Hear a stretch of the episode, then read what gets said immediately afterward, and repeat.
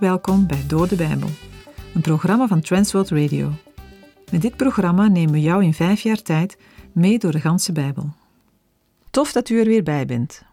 We lezen vandaag in uitzending 541 voor de laatste keer uit 2 Korinthe. In deze brief is heel duidelijk geworden dat Paulus niet altijd voldoet aan het beeld dat mensen van een geweldige apostel hebben. Hij is er ook niet op uit, integendeel. Hij wil niets doen waardoor mensen om hem gelovig worden. Hij wil ze alleen bij Jezus brengen. En door zijn eigen zwakheid en moeite heen wordt de kracht van God alleen maar duidelijker zichtbaar. Daarom klaagt Paulus niet over zijn lijden, maar hij ziet dat God het kan gebruiken in zijn plannen. Hij verdedigt zijn apostelschap in deze brief wel, ook al wil hij zich niet in zijn eigen kracht beroemen. Paulus weet echter dat hij zijn bediening van God gekregen heeft en op basis daarvan kan hij met gezag de gemeente toespreken. In alles is hij erop uit om hen de weg van Jezus te laten zien en te laten gaan. Paulus wil de gemeente verder opbouwen, zodat ze meer tot eer van God zal zijn. Dat onderscheidt hem ook van de valse profeten, die in de gemeente verdeeldheid brengen en daarmee het werk van God afbreken. In hoofdstuk 12 hebben we de vorige keer gelezen over een bijzondere ervaring die de apostel had. Hij werd opgenomen in de hemel. Paulus schrijft hierover, maar eigenlijk heeft hij totaal geen behoefte om dat te doen. Hij wil niet opscheppen over zijn grootste ervaring met God. Veel christenen zouden misschien graag zo'n ervaring willen meemaken en zich daardoor extra geestelijk voelen. Paulus kijkt er anders tegenaan. Hij heeft ontdekt wat het geheim is van God echt kennen. Dat ligt niet in bijzondere ervaringen, maar juist in zwakheid, in tegenslag en lijden. Dan wordt de kracht van God zichtbaar. Iemand die moeite heeft en toch kan zeggen: Gods genade is voor mij genoeg. Die kent het hart van God. Het is niet wat we van nature wensen of verwachten. Het mag ons echter wel moed geven. Als wij ons zwak en onmachtig voelen, dan kan de Almachtige God zijn werk door ons heen doen.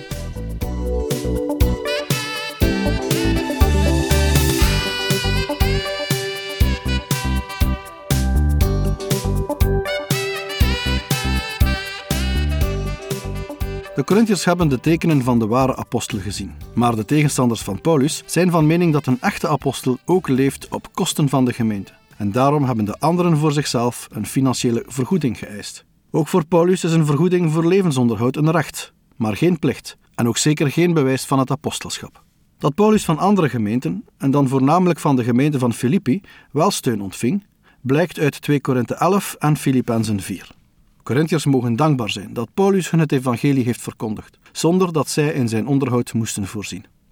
2 Korinthe 12 vers 14 Zie, voor de derde keer sta ik gereed om naar u toe te komen, en ik zal u niet tot last zijn. Ik zoek namelijk niet het uwe, maar uzelf. De kinderen moeten immers geen schatten verzamelen voor de ouders, maar de ouders voor de kinderen.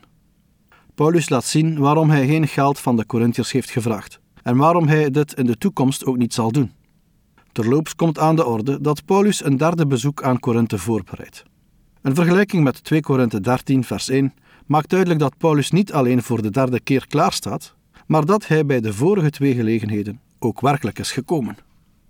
Bij het komende bezoek zal Paulus uit principe zijn gedragslijn niet wijzigen. Zijn handelwijze wordt door persoonlijke motieven en door liefde ingegeven. Paulus' interesse gaat niet uit naar de bezittingen van de Corinthiërs, maar naar hun hart, om dat voor Christus te winnen.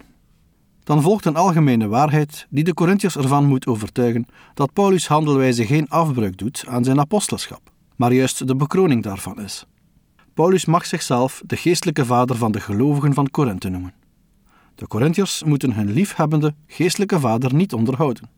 Alles wat de apostel hen heeft gegeven, bestaat niet in geld. Het gaat om de geestelijke rijkdom die ze van Paulus hebben ontvangen en nog zullen ontvangen. 2 Korinthe 12, vers 15. Ik zal dan ook heel graag zelf de kosten dragen. Ja, mij geheel ten koste geven voor uw zielen. Ook al word ik, terwijl ik u meer lief heb, minder geliefd. Paulus wil niet alleen zijn bezittingen, maar ook zijn leven voor hen geven. 2 Korinthe 12, versen 16 tot en met 18. Maar het zij zo, ik heb u in ieder geval niet belast. Maar listig als ik ben, heb ik u met bedrog gevangen. Heb ik u soms uitgebuit door iemand van hen die ik naar u toegestuurd heb? Ik heb Titus aangespoord en de broeder meegezonden. Heeft Titus u soms uitgebuit? Hebben we niet in dezelfde geest gewandeld, in dezelfde voetsporen? Naast de beschuldiging dat Paulus geen echte apostel is, omdat hij geen vergoeding heeft gevraagd, komt nu nog een beschuldiging aan het licht. Paulus' tegenstanders doen blijkbaar alles om hem verdacht te maken. Tegenstanders moeten toegeven dat Paulus zelf geen geld heeft gevraagd van de Corinthiërs. Maar hoe staat het met de medewerkers van Paulus? En hoe staat het met de grote geldsom van de collecte? Paulus zou, om vertrouwen te wekken, in eerste instantie geen geld hebben gevraagd.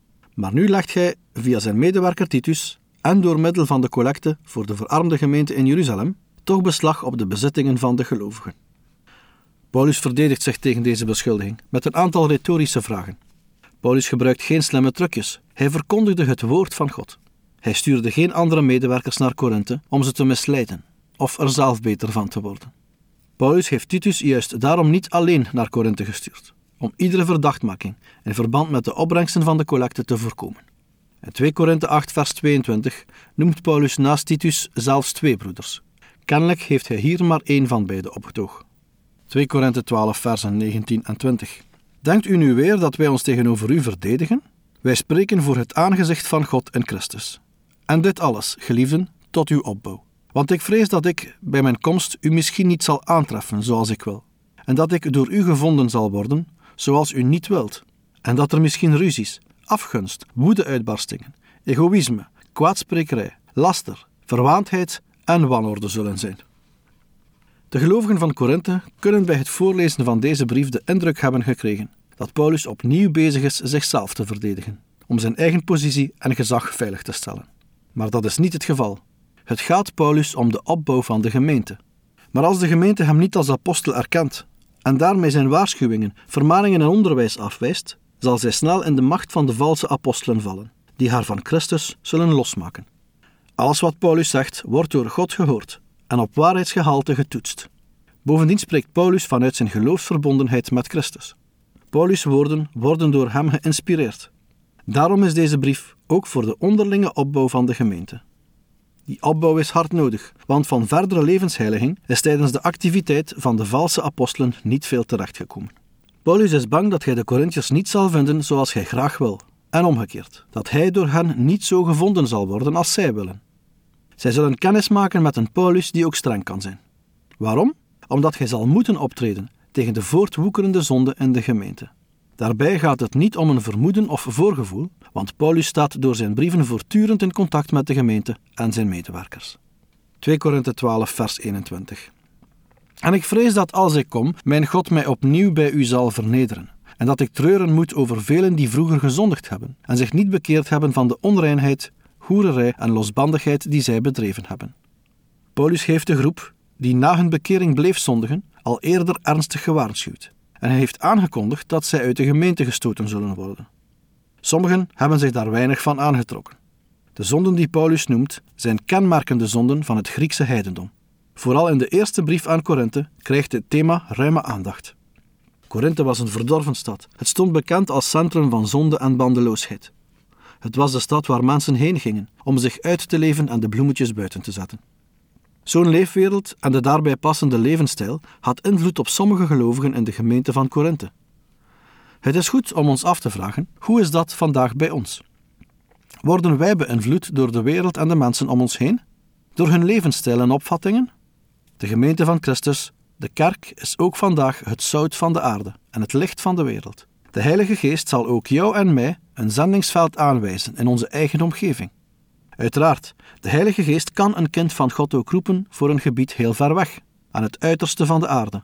Maar zolang je daar niet zeker van bent, is jouw zendingsterrein gewoon in eigen omgeving, daar waar je nu woont. Daar moet je niet van schrikken en ook niet onderuit willen komen. Grote namen uit de Bijbel probeerden met allerlei argumenten onder hun roeping uit te komen. Maar de Heere laat zich door onze menselijke argumenten niet afbrengen van zijn plan.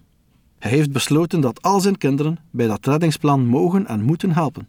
Daarom heeft de Heere de Heilige Geest uitgestort. Geen christen moet tegen de Heere zeggen het niet te kunnen, want dat weet hij. Daarom mag er niemand op pad zonder de Heilige Geest. Daar moesten de eerste leerlingen van Jezus op wachten. Maar wij ook. In de eerste Korinthebrief hebben we gelezen dat de Heere zijn gave geeft aan zijn gemeente. Iedere volgeling van Christus ontvangt minimaal één gave, en de meesten wel meer dan één. Welke gaven mag jij inzetten op je eigen zendingsveld? Wij kunnen de mensen niet overtuigen. Dat vraagt de Heer ook niet. De kerk van Christus is een groep mensen die door de Heer uit de wereld geroepen zijn en bij elkaar geplaatst zijn. Zij horen heilig voor de Heer te leven en Hem te dienen, naar zijn woord en het voorbeeld van Jezus Christus, onder leiding van de Geest. 2 Korinthe 13, vers 1. Dit is de derde keer dat ik naar u toekom. In de mond van twee of drie getuigen zal elke zaak vaststaan. De apostel schrijft aan het slot van zijn brief dat hij voor de derde keer komt. Hij wil de Corinthiërs laten voelen dat het deze keer, meer nog dan hiervoor, menens is. En hij werkelijk zal optreden tegen hen die in zonde leven. Hij citeert Deuteronomium 19, vers 15, waar staat: Eén enkele getuige mag tegen niemand opstaan met betrekking tot enige ongerechtigheid of tot enige zonde, bij elke zonde die men ook zou kunnen doen. Op de verklaring van twee getuigen of op de verklaring van drie getuigen staat de zaak vast. Wat Paulus wil zeggen is dat bij zijn derde bezoek de bewuste zondaars definitief zullen aangepakt en uit de gemeente gezet worden. Een bewijs leveren voor de bedreven zonden door middel van getuigen is in de situatie van de Corinthiërs niet nodig, want de zonden zijn algemeen bekend. 2 Korinthe 13 versen 2 en 3 Ik heb het al eerder gezegd, en ik zeg het nu vooraf, net als toen ik voor de tweede keer bij u was. En ik schrijf het nu, terwijl ik afwezig ben, aan hen die vroeger gezondigd hebben, en aan al de anderen. Ik zal hen, als ik opnieuw kom, niet sparen. U zoekt immers een bewijs dat Christus in mij spreekt, die ten opzichte van u niet zwak is, maar die krachtig is onder u. Tweemaal heeft Paulus de Corinthiërs gewaarschuwd. Ondertussen is de komst van Paulus definitief vastgesteld. De waarschuwingen zijn gericht tegen degenen die tevoren gezondigd hebben, maar ook aan alle anderen.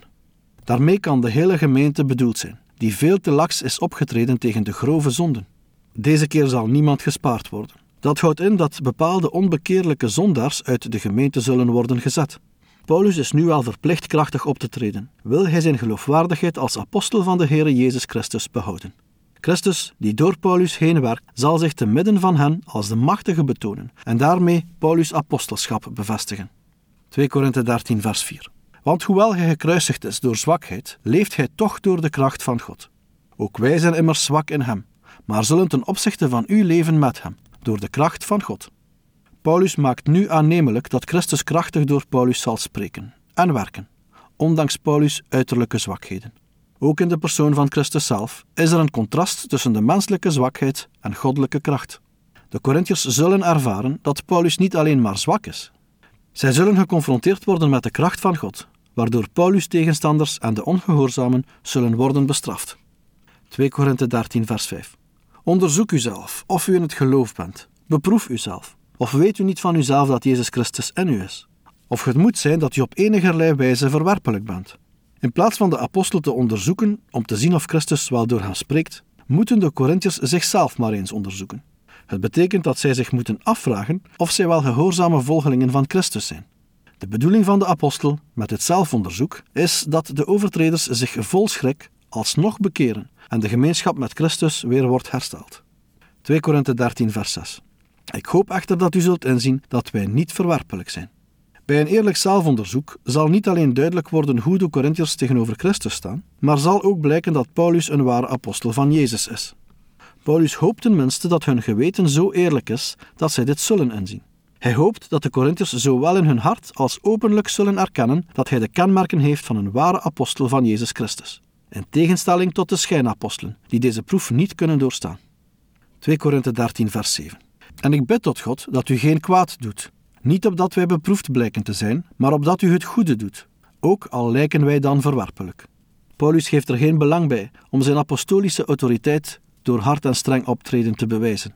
Het doel van zijn gebed is dan ook dat de Corinthiërs zich van hun vroegere zonden zullen bekeren. Als de gemeente zich bekeert, is zijn optreden niet nodig, al kan hij dan zijn apostolisch gezag niet bewijzen. Maar dat vindt hij minder erg, want de echtheid van zijn apostelschap rust op Gods roeping en op Gods beoordeling. 2 Korinthe 13, vers 8. Want wij kunnen niets doen tegen de waarheid, maar wel voor de waarheid. De waarheid staat hier voor de waarheid van het evangelie. Als geroepen dienstknecht van de Heere Jezus is Paulus niet in staat om iets te doen dat strijdig is met deze waarheid. Ook vandaag geldt dat wij de Heere niet moeten verdedigen, maar zijn woord bekendmaken. 2 Korinthe 13, vers 9. Want wij verblijden ons wanneer wij zwak zijn en u sterk bent. En wij bidden ook hierom, namelijk om uw volledig herstel Opnieuw spreekt Paulus over zijn gebed, waarin zijn diepste verlangen naar voren komt. Hij bidt voor een in orde komen van alles wat door zonde en hoogmoed is kapotgemaakt. 2 Korinthe 13, vers 10. Daarom schrijf ik u dit terwijl ik afwezig ben, opdat ik, wanneer ik aanwezig ben, niet streng hoef op te treden, overeenkomstig de volmacht die de Heere mij gegeven heeft, tot opbouw en niet tot afbraak.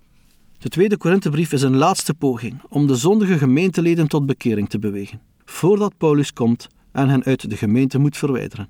De gemeente wordt gezien als een bouwwerk waaraan door de apostelen wordt gebouwd. 2 Korinthe 13, versen 11 tot en met 13. Ten slotte, broeders, verblijd u. Laat u terechtbrengen, laat u aansporen. Wees eensgezind, leef in vrede. En de God van de liefde en de vrede zal met u zijn. Groet elkaar met een heilige kus. Al de heiligen groeten u. De genade van de Heere Jezus Christus, de liefde van God en de gemeenschap van de Heilige Geest zij met u allen. Amen. Ten slotte een laatste oproep. Groet en zegen. Liefde en vrede zijn kenmerken van God zelf. De oproep om elkaar te groeten met de heilige kus vinden we vaker in het Nieuwe Testament. We vinden dit gebruik bijvoorbeeld nog terug in de kerken van Oost-Europa. Een uiting van ware broederliefde. Paulus wenst allen de zegen van God toe. Geen van de gelovigen van Korinthe is door Paulus definitief afgewezen. Ook voor de zondaars is, als zij zich bekeren, de zegen van de Heer beschikbaar. Dat is vandaag nog niet veranderd.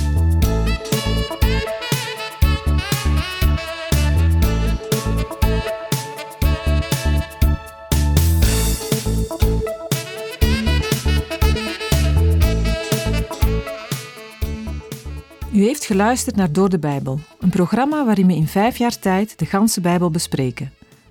De basis voor het programma is de Bijbelstudiereeks van Dr. Vernon McGee, Through the Bible. Deze werd in het Vlaams vertaald en bewerkt door Transworld Radio. U kan elke werkdag naar een nieuwe uitzending luisteren en u kan ook steeds voorbije uitzendingen opnieuw beluisteren of downloaden.